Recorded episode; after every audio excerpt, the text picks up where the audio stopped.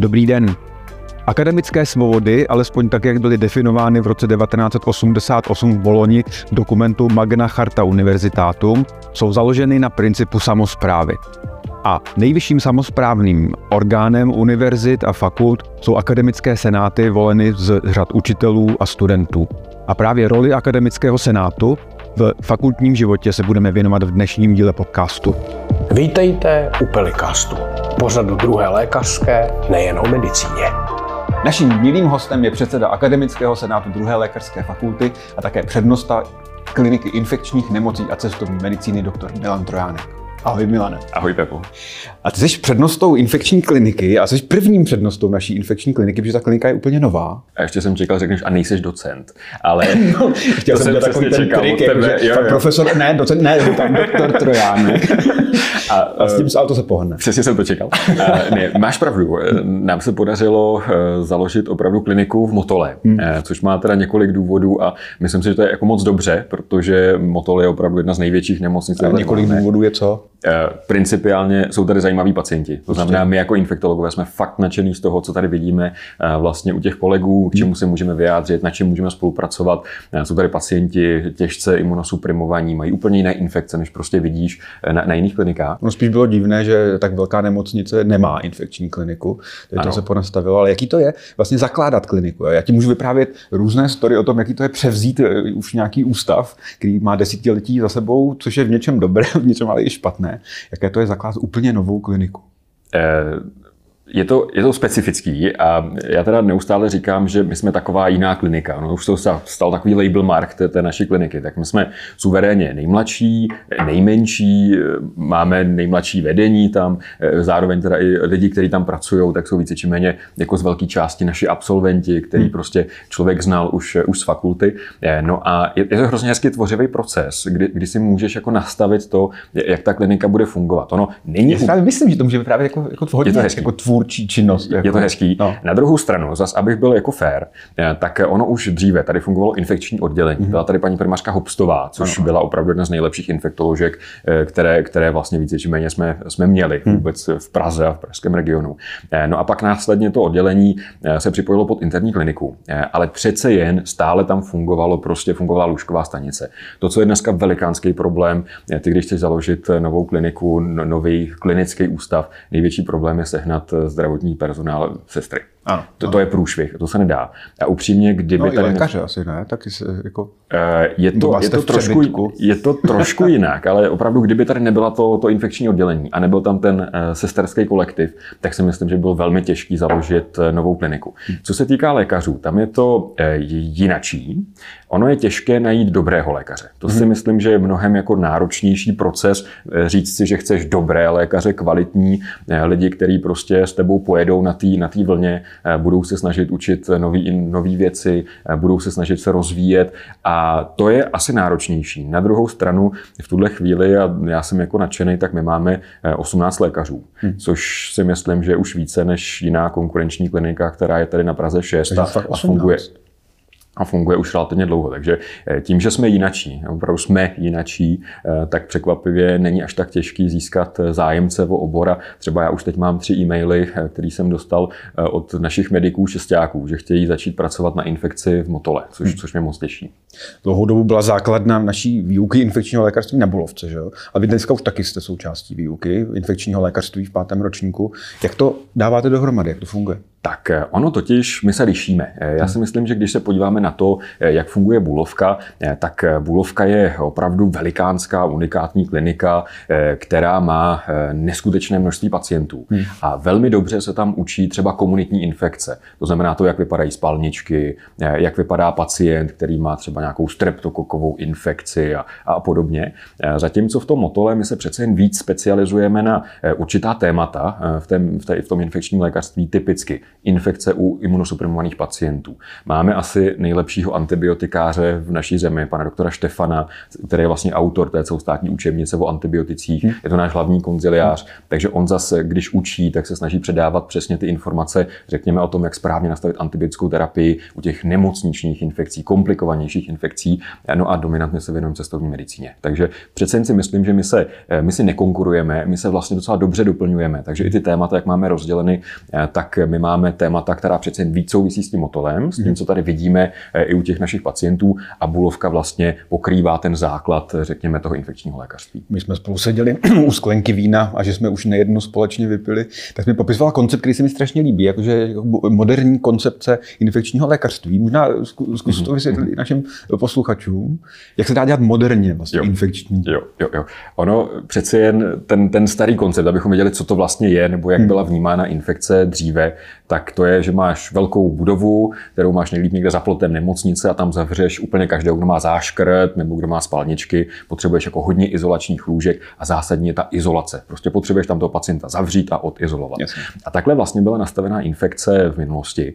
Eh, no ale ten moderní koncept je dost odlišný, protože když se podíváš tady prostě po nemocnici, tak zjistíš, že eh, na chirurgii, na interně, na kardiologii, kardiochirurgii, neurochirurgii ti prostě leží vždycky pacient, eh, který bude mít nějaký infekční proces. Tak jako a... infekční chorob je třetina, že zhruba, takže těžko můžou všichni ležet v jednom domečku. Přesně tak. A ten vtip spočívá v tom, že ono se ukazuje, že když se o pé, nebo když se v té péči o toho pacienta, když se o to podílí ten, nebo když, když to nějak koordinuje nebo pomáhá s tím právě ten infektolog a dokáže udělat třeba prostředníka mezi těmi obory, jako je mikrobiologie, imunologie a tak dále, a tím klinikem, internistou, kardiologem dokáže nějak jako dát dohromady eh, správný postup péče o toho pacienta, ať už diagnostický nebo terapeutický, tak to zlepšuje přežití těch pacientů a jejich prognózu. A tohle je vlastně to, jak vypadá infekce v zahraničí. Když bys byl na Harvardu, tak hmm. tam nikde nemají prostě. Je fakt, že vlastně tak klasickou infekční kliniku, jak jsme zvyklí u nás, jsem vlastně myslím, že skoro nikdy ještě neviděl. Přesně tak. Jo, jo, přesně jo. tak. Jo. Takže to je o tom, že děláš konziliáře, že hmm. prostě máš fakt ale hodně chytrý a hodně šikovný mhm. doktory, hmm. který obchází prostě ty nemocniční A se ti daří to jako zavádí, že ty, ty konzilia už fungují. My máme teda ohromné štěstí a jsem fakt neskutečně rád, že se nám podařilo přetáhnout z homolky pana doktora Štefana, eh, což je naprosto excelentní eh, doktor a on více či méně tímhle s tím žije. Takže on tady buduje vlastně tu, tu kapacitu těch konzílí a podařilo se, a tady teda musím pochválit, skvělá spolupráce s neurochirurgií. Takže my jsme vlastně se seznámili na, na vánoční večírku a, a začali jsme k ním chodit jako na první kliniku a chodíme pravidelně na vizity. Zároveň prostě ti lékaři se seznámili s našima eh, konziliářema, eh, no a více či méně ta spolupráce je skvělá. A teď jsme to rozšířili teda dál o ortopedii, kardiologii, lomeno kardiochirurgii, eh, onkologii. A strašně hezký je, že když jsme začali chodit na onkologii, tak mi říkal pan profesor Bichler, že od té doby, co jsme tam chodili, začali chodit jako konziliáři, tak jim tam klesnul počet infekcí, protože prostě, když máš pacienty, že, který má cerpit, nebo pacienta, který má cerpitídu, vysoký CRP, tak to první, co ti napadne, tak ho radši zajistím antibiotikum. to zamyslet, co to je za jo, prostě, Přesně, to je takový ten pacient, co má zvýšený CRP a e, z různých důvodů. Hmm. No a první, co ti napadne, že mu dáš antibiotika, že aby pro jistotu. No a když se pod to někdo podepíše a řekne, ne, tohle fakt není infekce, to třeba souvisí s tím základním procesem, tak nakonec třeba dokážeš jako snížit e, to zatížení těmi antibiotiky na těch, na těch klinikách nebo těch pacientů. Když jsi infekční nemoci, tak si představuješ, že zalečíš, tak to od něho nemůže nikdo chytit. Jak to tak můžeš snížit? Jako jo, to je některých infekcí tak platí. No, to jste jako nejenom infekční nemoci, ale ještě cestovní medicína. Jo? To je, musím říct, třeba pro mě trošku jako neuchopit, co to jako je cestovní medicína, co všechno patří do cestovní medicíny, protože já jsem se cestovní medicínu nikdy neučil. Hmm. A to je možná trošku náš dluh, který, který máme. Eh, pravdou je, že cestovní medicína je poměrně hodně široký obor. Ono se to trošičku prolíná s tématem tropické medicíny. Hmm. To znamená, eh, dřív prostě, když byly ty koloniální velmoce eh, a když teda odjeli ty úředníci prostě do té Afriky a umírali jim tam na malárii, tak oni založili tropickou medicínu, aby se dokázali postarat o ty svoje koloniální Jo, ale to nemusí být jenom tropy, že? když třeba pojedu na Slovensko, to taky mě vybaví jsem, jsem čekal, že jsou takovýhodle, že, že zmíníš. Ale teoreticky se může být třeba i někam blíž než jenom do tropu, ale to, co je důležité, tak ta cestovní medicína by se měla komplexně věnovat všem těm rizikům, která hmm. souvisí s tím cestováním. Takže ono to mohou být i neinfekční rizika, která se nakonec ukazují, že jsou mnohem zásadnější, významnější než třeba ty infekční. Infarkt myokardu, když máš spoždění, no, spoždění let mnoho hodin a trefíš tě z toho šlak, tak to je cesta, jsou eh, cestovní medicíny. Mimochodem, to je nejčastější příčina teda umrtí cestovatelů, když jsme u toho. Jo, jo. A... Já, já, já, často resuscituju v letadlech, to je moje hobby. Ale, ale prostě dělám srandu, to je jako, protože já mám hru velikánský štěstí. To, já myslím, že tohle můžeš zmínit, protože to sám vyprávěl u vína a, a tohle to nebyla vůbec jako nezajímavá příhoda. Jo, jasně, uh, ale tu nahrávat nebudeme. Jo, jo. uh, nicméně teda jde, jde o ty všechny rizika související s cestováním. A důležitá věc, plus když máš nějaký zdravotní potíže po návratu z Jo, takže to je jako prevence, ale potom jako tak ty vzácnější nemoci, když se přivezou sem, tak uh, pak leží u vás? Nebo, nebo... A to je právě to, co se nám povedlo. Oni už jsou v motole. Uh, takže takže když jsme se bavili s kolegy z jiných oborů, tak říkali, tak doufám, že to nechytnem, ale eh, principiálně už se nám podařilo díky nějaké aktivitě, kterou jsme udělali a domluvili jsme se jo, s Doktor Trojánek se zapsal do historie tím, že přitah do motola první malárii. malárii. Je to tak, přesně. Malárii, dengue ano, a, a ziku a, a podobně. A to jsme jako rádi, protože to jsou zajímavé diagnózy. A jsme taky rádi, že váš barák je tak daleko od našeho. ne, ale to musí být strašně zajímavý. Jako, já, ale e, jako běžný infektolog se nestará o běžný tropické nemoci, nebo je to hodně specifická měl by to problematika? Měl by to umět, e, měl by to umět, ale na druhou stranu realita je asi taková, že když prostě bys pracoval někde v nějaké okresní nemocnici, tak proto vlastně nemáš ani úplně to zázemí. Hmm. Takže je lepší asi poslat toho pacienta do nějakého centra. Abys mohl dobře dělat cestovní medicínu, musíš hodně cestovat. Dotaz. Eh, je to tak. Myslím si, že pravda to je. Na druhou stranu, tak ty víš, že já když někam cestuju, tak cestuju tak možná do Znojma nebo, nebo někde po Čechách, ale cestujeme pracovně. Nebo některý třeba i z našich hmm. doktorů, tak To my cestujeme pracovně. docela hodně.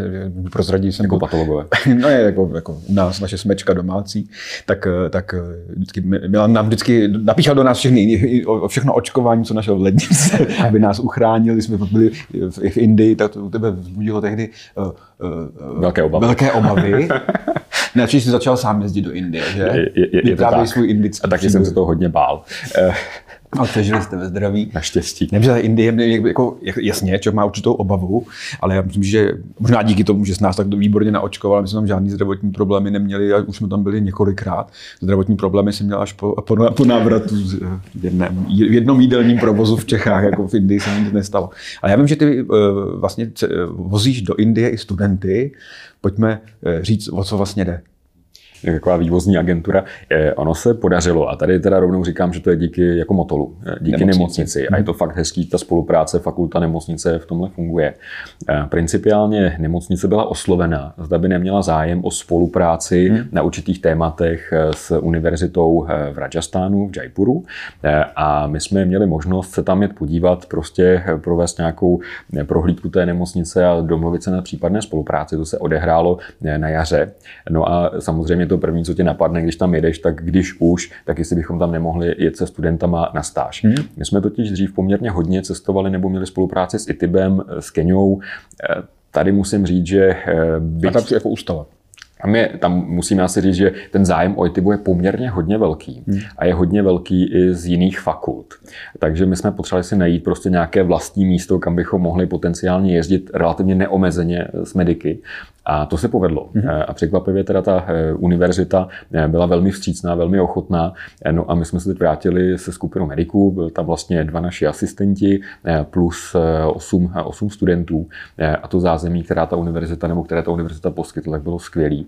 A musím teda říct, že jsem byl hodně příjemně překvapen i kvalitou té poskytované Já jsem slyšel samé superlativy. A to jenom to, to zařazení to jako stáž nebo součástí výuky infekčního lékařství, nebo co to vlastně Takhle, je za, za... V tuhle chvíli samozřejmě to stáž. Není to o tom, hmm. že bychom bychom to měli v rámci už vůbec nepovinné výuky, ani v tuto chvíli to nemáme třeba jako volitelný předmět hmm. zařazeno v nějakém našem kurikulu. Eh, ale principiálně eh, ta, ta stáž probíhala opravdu poctivě. Já jsem si původně myslel, že stáž jako někde v tropech bude spíš o dovolené a, a podobně, tak tady opravdu ta univerzita dokonce nám připravila jasně definovaný program, eh, kdy prostě dopoledne se chodilo na lůžková oddělení těch, těch jednotlivých klinik a odpoledne dokonce tam byla interakce s těma vyučujícíma, že připravovali semináře pro ty naše mediky. Jo, jo. A pak jsme to odpoledne... A ty vaši, vaši vyučující tam i učí naše studenty, že tam se, oni se neučí místníma studi- učitelama právě, že se to podařilo zkombinovat, že opravdu tam ty semináře hmm. vedly i ty jejich učitelé. No. A zároveň pak eh, ve večerních hodinách probíhala diskuze eh, u, u sklenky vína eh, s našima, s našima asistentama a ty věci se jako probíraly komplexně. Takže vlastně ten medic získal pohled jak toho vyučujícího z té Indie, tak prostě pak nás, když jsme trošku jako korigovali eh, některé věci, které se tam dozvěděli. No jasně, jasně. Ale tak to, to je úžasný. A jako to plánuješ dlouhodobě, tak v nějakých pravidelných intervalech, to, to je fajn. Tak my teď a, tuhle... a jsou tam jako zejména s cílem studovat infekční léky, eh, choroby? Ne, nebo ne. Opravdu ti, ti, studenti, kteří tam měli, tak měli různě, různé preference, hmm. takže byly tam kolegyně, co jeli na ginekologii, eh, pediatrii, neonatologii, pak áro, hmm. neurologii, neurochirurgii. No a my teď v tuhle chvíli to musíme hlavně vrátit eh, těm Indům, takže eh, my jsme s Anetou Níčovou od nás kliniky teda už eh, požádali o point na letní, teda bude to zimní škola, zimní školu pro indické studenty. Hmm. Takže abychom udělali teda nějaký, nějakou výměnu, takže teď v tuto chvíli připravujeme program pro ně, kdy oni by přijeli sem k nám, nejspíše v březnu na fakultu. No a ta univerzita má velký zájem teda o další spolupráci do budoucna. No, to je skvělý. Pro nás to mám z toho velkou radost. Jako to. A to je jako další zase zajímavý rozměr si myslím i pro ty studenty a ono i pro ty učitele. Že jo? Musím říct, že z toho, co jsem třeba zažil já, tak tohle to bylo asi logisticky nejlíp zajištěná stáž v tropech. No, jakou jsem v Jaipuru třeba nebyl ještě nikdy. Je to hezký město? Děkuju. ne, a tak jako, to se mi jako líbí, že tyhle možnosti vůbec jsou, protože taková, taková zkušenost je, myslím, pro každého studenta naprosto nepřenositelná. Tam je... A navíc, když k sobě ještě může mít jakoby eh, učitel vlastně. Jako, Přesně. To je jako neuvěřitelné. Tam ještě máš někoho, kdo to ještě dovysvětlí, tak to, jako to násobí, jako když je normálně člověk na stáži, tak plus minus tam o tebe někdo stará, musíš tak samostatně si to oběhnout. Tak eh, když máš sebou ještě průvodce, no tak to je úplně, to je velká diskotéka. To, tohle, tohle si myslím, že je velká výhoda. Za prvé teda dokážeš korigovat rovnou některé informace, které si tam ten student dozví. A za druhý, eh, když třeba byl jakýkoliv problém, tak přece jen, jako když tam seš sám jako student, seš tam jeden jediný prostě v rámci nějaký tropické mm-hmm. země, eh, tak máš mnohem horší situaci, než když prostě za tebe pak cokoliv jedná prostě učitel s učitelem. To, to prostě funguje líp. A tady teda jednoznačný poděkování Motolu, protože eh, nebýt toho, že prostě tohle bude krytý v nemocnicí, tak, tak se to nepodařilo. Výborně. A to je všechno hrozně hezký, ale téma dnešního rozhovoru je trošku jiný, protože my v této sérii podcastu jakoby představujeme fakultu i z jiných stran. Že my jsme při tomto první sérii jsme věnovali novému kurikulu a vlastně co kde učíme, proč to učíme, tak té, této sérii se snažíme představovat ty různé rozměry fakulty. Občas mě překvapí, že někteří studenti neví, že máme akademický senát. Už jsem to zažil víckrát. Přiznávám se, že když já jsem byl student, tak jsem taky nevěděl, že jsme měli akademický senát a my jsme ho určitě měli. Kdybys měl takového studenta, Vysvětli mu, proč máme akademický senát.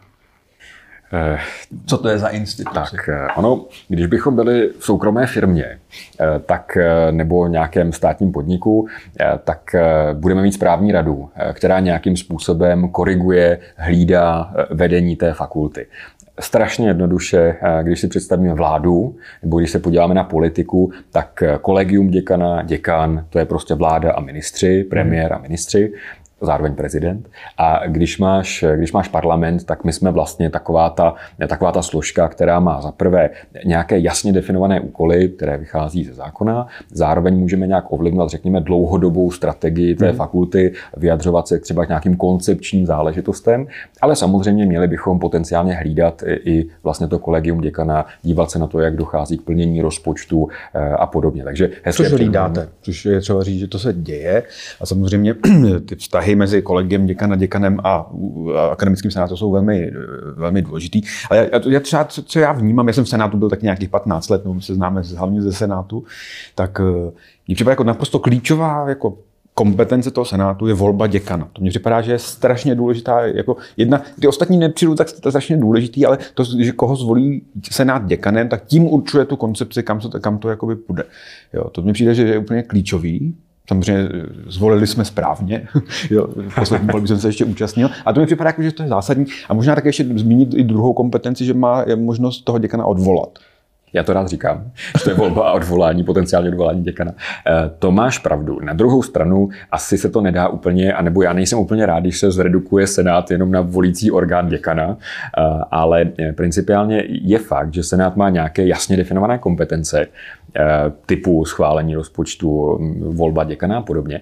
Ale třeba my, jako když v kolegiu něco jako vymyslíme nebo chceme i nějakou věc udělat. A třeba musím říct, že i když třeba vím, že podle předpisů nejsem povinen vám to tam dávat ke schvalování, tak my chceme, abyste věděli jako věci, které děláme, tak minimálně na vědomí vám to dáváme určitě. Přesně tak. A další věc je, že ten Senát má i určitou neformální roli. Hmm. To znamená, i v rámci třeba komisí, tak s tebou asi intenzivně spolupracuje pedagogická komise, kde se setkávají eh, v nějakých pravidelných sezeních pedagogové a studenti hmm. a možná diskutují třeba o potenciálních problémech na fakultě nebo o tom, co by se dalo dělat na fakultě jinak. Eh, no a je to pak o té komunikaci, která ale musí fungovat. A teď mám pocit, že to funguje fakt moc hezky, že asi v porovnání s tím, jak třeba ta situace, jak jsem ji vnímal někdy v minulosti, tak teď si myslím, že opravdu ten kontakt vedení fakulty a senát, že je takový opravdu dělný a že, že ty věci se daří jako posouvat, posouvat dále. Je, jenom za mě, eh, tak já jsem v senátu zažil několik takových věcí, které se řešily, typu eh, oblíbené téma absence a podobně a eh, vidím a vnímám, že prostě ty věci se posunuly dál a určitě to něco, s čím jako senát no, jo, jsme rádi. Pro studenty, kdyby nevěděli, tak v senátu pracují jako pracovní komise, těch tam celá řada jako ekonomická komise, pedagogická komise a celá řada dalších jako pracovních těles jako v menším. A jako já třeba jako studijní proděkan skutečně jsem velmi intenzivně v kontaktu hlavně cestou předsedy pedagogické komise a řešíme spolu plno věcí. A já myslím, že, že, že je to velmi inspirativní, že často plno věcí, které třeba někam, někam posuneme, vychází právě z pedagogické komise, kde jsou prostě lidi, kteří to jako baví a připadá mi to důležitý. A třeba teď čerstvý zážitek, který tady klidně jako můžu vlastně prodat, jakože jsme vlastně letošní anketa, eh, studentské hodnocení eh, výuky, bylo poprvé zpracováno trošku jiným způsobem a bylo to dřív a eh, analýza z pedagogické komise pro mě byla strašně cená. Všech těch věcí se podařilo identifikovat jako některé věci, které jsou skvělé, naopak některé věci, které jsou trošku problémové. A my jsme s panem děkanem teď dělali jakoby rozhovory s celou řadu garantů různých oborů a podařilo se identifikovat jednoduché věci, které se dají posunout a jiné potřeba se o tom říct, aby to zaznělo a vlastně pak se poměrně jednoduše může plno věcí spravit. Já mám z toho hroznou radost a vlastně ta možnost udělat tady tu reflexi eh, zešla z toho, že, že ta anketa je obrovská, že to obrovské množství dat, tak jako, že, že by pomohli s tou analýzou, je hrozně cený a mám z toho do, do, dobrý pocit, že se podařilo rozhovory prostě s, s několika desítkami, on to nebylo tak jednoduchý, garantů předmětů, některé drobnosti třeba posunout a možná to bude lepší, takže to je pedagogická komise. My jsme to taky rádi. A je tam ještě jedna věc, čím se možná ten senát třeba liší od toho kolegy a děkana. Eh, tím, že senát má prostě 24 členů, z toho jsou 12 pedagogové, eh, tak mám pocit, že my jsme jakoby i blíž těm lidem na té fakultě. Že prostě Určitě. tam jsou prostě zástupci jo. z Plzeňský, zástupci prostě. Jo, je to prostě volený orgán, já bych měl takový vrcholný orgán jako samozprávy. Že? My jsme samozpráva, což je skvělá věc, že když je to ano. zachováno, už máme i zkušenosti z několika států, kde se to jako hodně mění a buďme rádi za to, že tu samozprávu máme. Takže senát je celkově volené těle těleso. Jo, kolegium děkana nikoli. Jo, děkan, děkan je volený a vlastně ten si k sobě vybere pro děkany, se kterým chce spolupracovat, ale vlastně ty nikdo ho nevolí, vlastně to vlastně akademický senát pouze schválí. Dokonce se k tomu jenom vyjadřujeme, ani to přímo neschvalujeme. Jo, se vyjádří k tomu. Ale vlastně ta zodpovědnost pak jde za, za děkanem a v extrémním případě, kdyby byl akademický senát velmi nespokojený s, s performancem kolegy a děkana, tak může zasáhnout. To zatím v historii naší fakulty nestalo, to nestane, ale, ale tak. Takže tam to jsou komise, vy se scházíte vlastně asi jednou měsíčně, jako tak. celé plénum. Tak. A vždycky se tam probírá jednak teda aktuální témata, která přináší vedení Senátu, která přináší pan děkan, eh, eventuálně členové kolegia děkana, eh, no a pak, co se odehrává v těch jednotlivých komisích. A právě to, co jsem chtěl říct, a to si myslím, že je vlastně unikátní, že ten Senát je, je vlastně poskládaný jednak ze zástupců studentů z různých ročníků, z různých skupin, no a zároveň právě i lidí z fakulty pedagogů, kteří jsou z těch různých částí. A přece jen se liší třeba potřeby učitele na pedagogické nebo na plzeňské eh, potřeby, potřeby učitele na eh, plzeňské nebo studentů na plzeňské eh, s tím, co se prostě odehrává třeba v rámci Motola, jednotlivých klinik a ústavů, a nebo třeba Bulovky. Takže tohle je jako ten senát unikátní a, a je blízko vlastně těm lidem na té fakultě což je důležité, ale nejenom pro, pro studenty, že kteří mají své studentské senátory, kterých je tam teda polovina. Já s tím mám určitý problém, já jsem si to nikdy ne, jako jsem to netajil, i když jsem byl v tom senátu, že to si nemyslím, že je úplně jako optimálně nastavený, ale jako z mnoha důvodů, protože jako ty studenti nižších ročníků si myslím, že nemusí nutně rozhodovat tak jako kompetentně o věcí, o kterých nemůže ještě nic vědět, ale vlastně zaplať mám, funguje to tam eh, velmi pěkně a vlastně že volí se studentský, studenti studenty, eh, učitelé volí učitele a e, těch 12 a 12, s tím, že vlastně vždycky před těma volbama bývá e, jo, nějaký předvolební boj, abych to tak řekl, nebo jako nějaká, mezi ta, v té studentské komoře, mezi určitě to nebývá tak divoké, ale na rozdíl od třeba parlamentu, tak e, v našem senátu není opozice a koalice.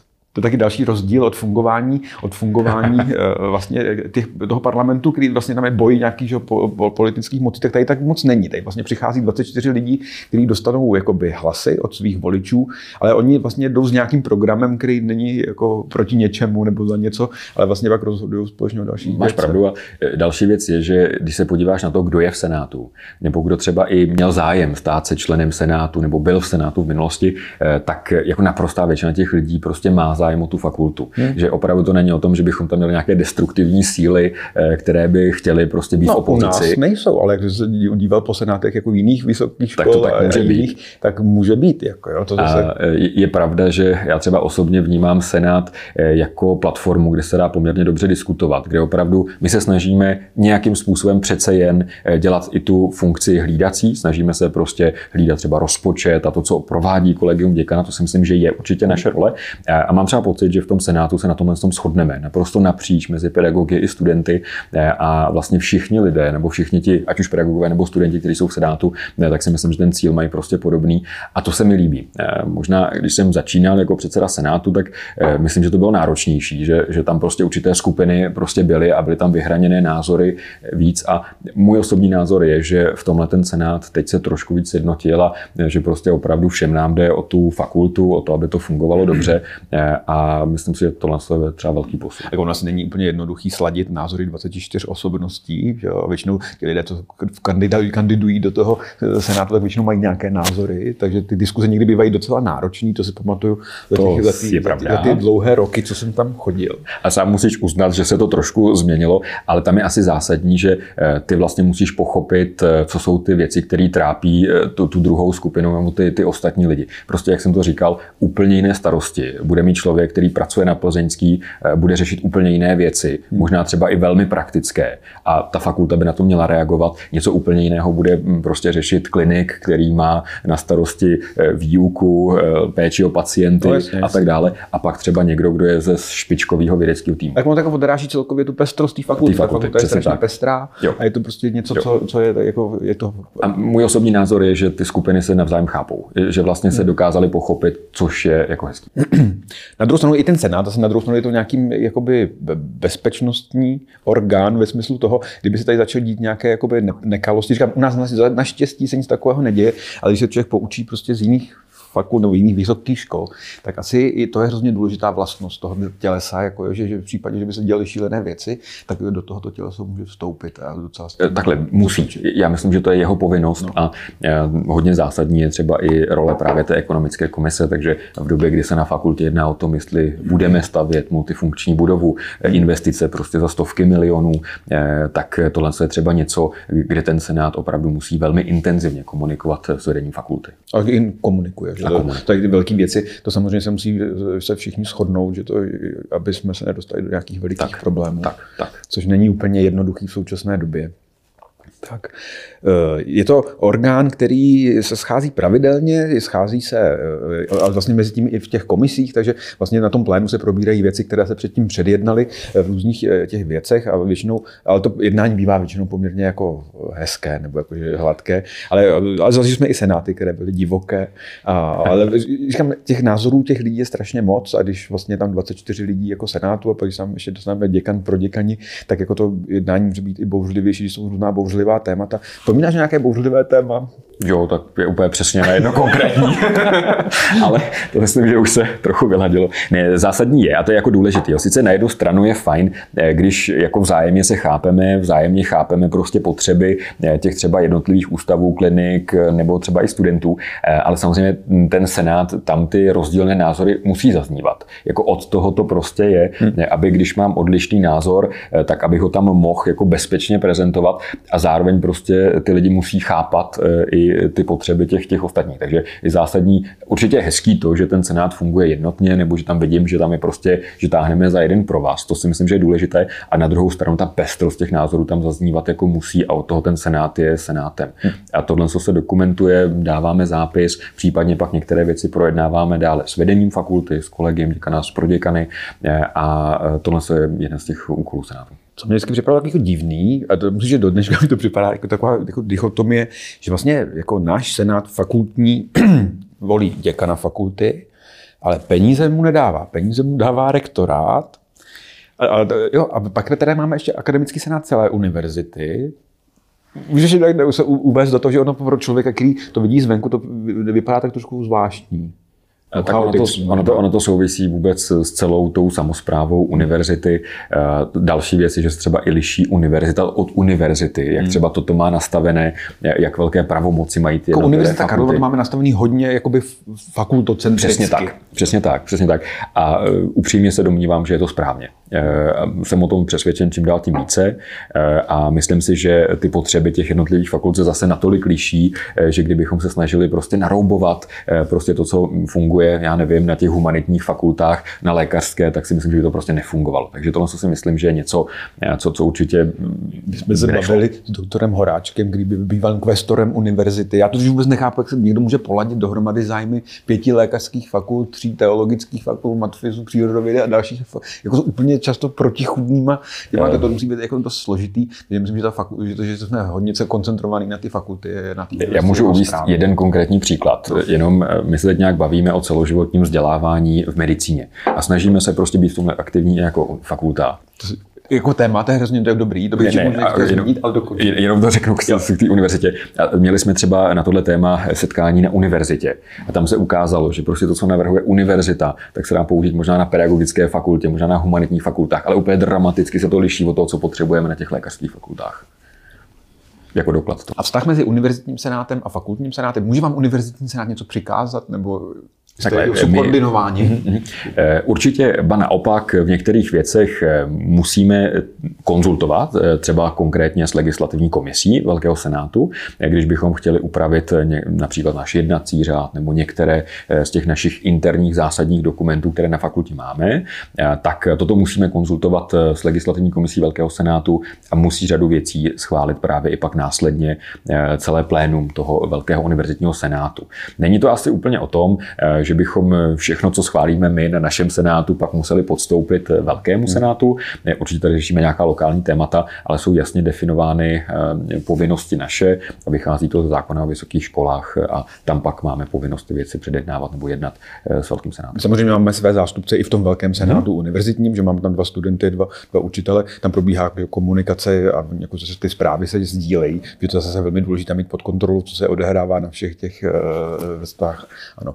Ale jako říkám, mě vždycky připadalo legrační, že vlastně, že, že vlastně děkan se spovídá vlastně a fakultnímu sen, senátu, ale zároveň ale tady i rektor, a takže ten vztah je takový jako, že zvláštní. Máš, máš naprostou pravdu. Mě třeba ještě zarazila jedna věc. Představa, že jsi univerzitní senátor, jeden z těch čtyř naší fakultu, tak jako jestli vlastně to prioritní, co hájíš, tak jsou zájmy celé univerzity. A nebo že té fakulty, to, to musí být jako dost náročný, protože Přesně ale tak doufám, že hájí hlavně zájmy naší fakulty. Ale třeba když si vezmeš jako věci, co jako s rozpočtem celé univerzity, ty parametry, teď, teď se mění i parametry zase hodnocení vědy, jo, a jak hodnotit vědu a rozdělovat na podkladě toho peníze na fakulty s tak strašně rozdílným, jako že, teologie, filozofie, Přesně medicína. Tak. A jako to, to, musí být strašně náročné. A ty, věřím tomu, že ty boje v tom univerzitním senátu, potom, když se nastavují ty parametry, tam pohneš půl procentem a lítají miliardy, jo, tak to musí být dost divoký. No, tak, tady, tady musím říct, že jsme udělali věc, za kterou jsem moc rád a konečně máme zástupce v ekonomické komisi Velkého senátu. No. Je to bývalý pan děkan eh, Ondřej Hrušák eh, a zároveň Karel Fischer, hmm. a což jsem moc rád, protože prostě s těmi čísly umí oba pracovat a ano, ano, opravdu ty zájmy tam nás jako je potřeba hájit. No, ale prostě jsme rádi, že akademický senát máme, protože to je to moc důležitý. Jakože pokud by to řízení bylo trošku jiné, tak jeho správní rada, univerzita má správní radu, že? No. Ale jako my jako fakulta nemáme správní radu. Je, je to tak. Máme náš akademický senát. Ty jsi říkal, že celoživotní vzdělávání, že to je další téma, který bychom mohli o to na chviličku otevřít, protože Milan se hodně věnuje celoživotnímu vzdělávání a tohle tento sousloví mnoha lidem může znít taky velice liricky a bezobsažně. To, to, to máš pravdu. Věnuje se celoživotnímu vzdělávání. Vysvětlit, co to je, protože pro většinu lidí jako to je jako, když se věnuješ prostě zelenému háji. Jo, taková jako pomalu evropština, ale eh, principiálně zjednodušeně. Eh, situace je taková, že ty jako doktor dostuduješ, eh, potřebuješ udělat atestaci, takže děláš, procházíš tím systémem toho specializačního vzdělávání. No a vlastně pak teoreticky, když to hrozně přeženu, tak pokud nechceš být primář, přednosta eh, nebo praktický lékař, který má bodové zvýhodnění od pojišťovny, tak už nemusíš otevřít knížku, nemusíš jít nikdy na žádný seminář. Což je dost strašidelný. Je, je. A e, další věc je, která je v tomhle zásadní, když se podíváš na postgraduální vzdělávání nebo na vzdělávání hmm. jako lékařů, strašně často se to zaměňuje s marketingem farmaceutických firm. Takže e, jednoduše, když se jdeš podívat na jakoukoliv konferenci, kongres z jakéhokoliv oboru, e, tak prostě se tam otevírají témata, která jsou zajímavá pro firmy. To prostě, protože jsou často velkými sponzory, ať už těch kongresů nebo třeba i nějakých odpoledních vzdělávacích akcí. A ono se ukázalo, že je velikánský hlad mezi lékaři po nezávislém nezávislém vzdělávání, kdy opravdu někdo bez toho, aniž by byl placený farmaceutickou firmou, ti řekne prostě, jak máš léčit zápal plic nebo eh, jak máš léčit hypertenzi, aniž by zatím byl ten výrobce, který vyrábí to antihypertenzivum.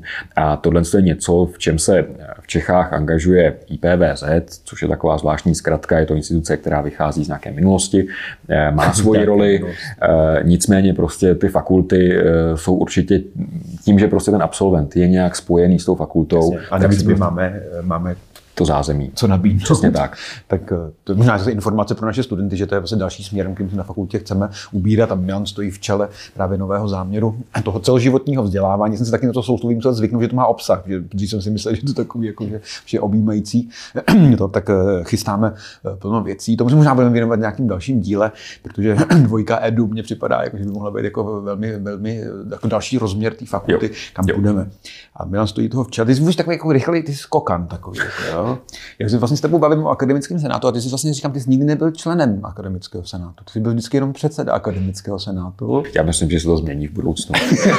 a už se na to těším. Milan se vlastně dostal do akademického senátu a rovnou se stal jeho předsedou. Stejně tak, když si vtrhnul sem domů, tak se rovnou stal přednostou kliniky, tak jsem zvědavý, co ještě jako všechno nám předvedeš, kam můžeš vyskočit. No, a nebo už jenom klesnout. Ale, eh, ne, ale je třeba říct, že třeba za to celoživotní vzdělávání, to studenti možná už někde zaslechli, ale Milan, zase je to zase něco, co je, je jako časově ne úplně uh, uh, jako v pohodě. Ve svých 34 letech dostal cenu prezidenta lékařské komory za celoživotní vzdělávání, což mi přišlo úplně jako bizarní a ty si ji zasloužíš. Ty, ty a tak rovnou řekni, že jsme tam tehdy vysmál a řekl, že to mám dostat 70, že jo.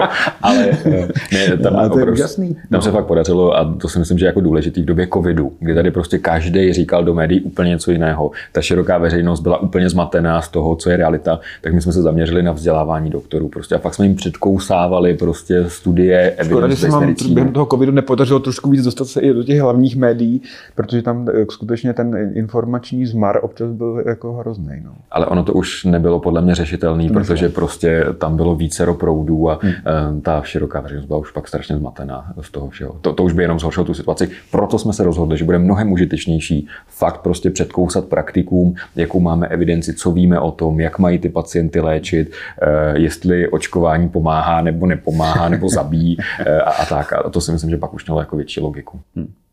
Skvěle. Děkujeme za tvůj čas. Pepo, já děkuju. A eh, držíme palce našemu akademickému senátu Tvédové konce. Naším hostem byl doktor Milan Trojánek. Tak to byl Velikast a my se těšíme na slyšenou u dalšího dílu.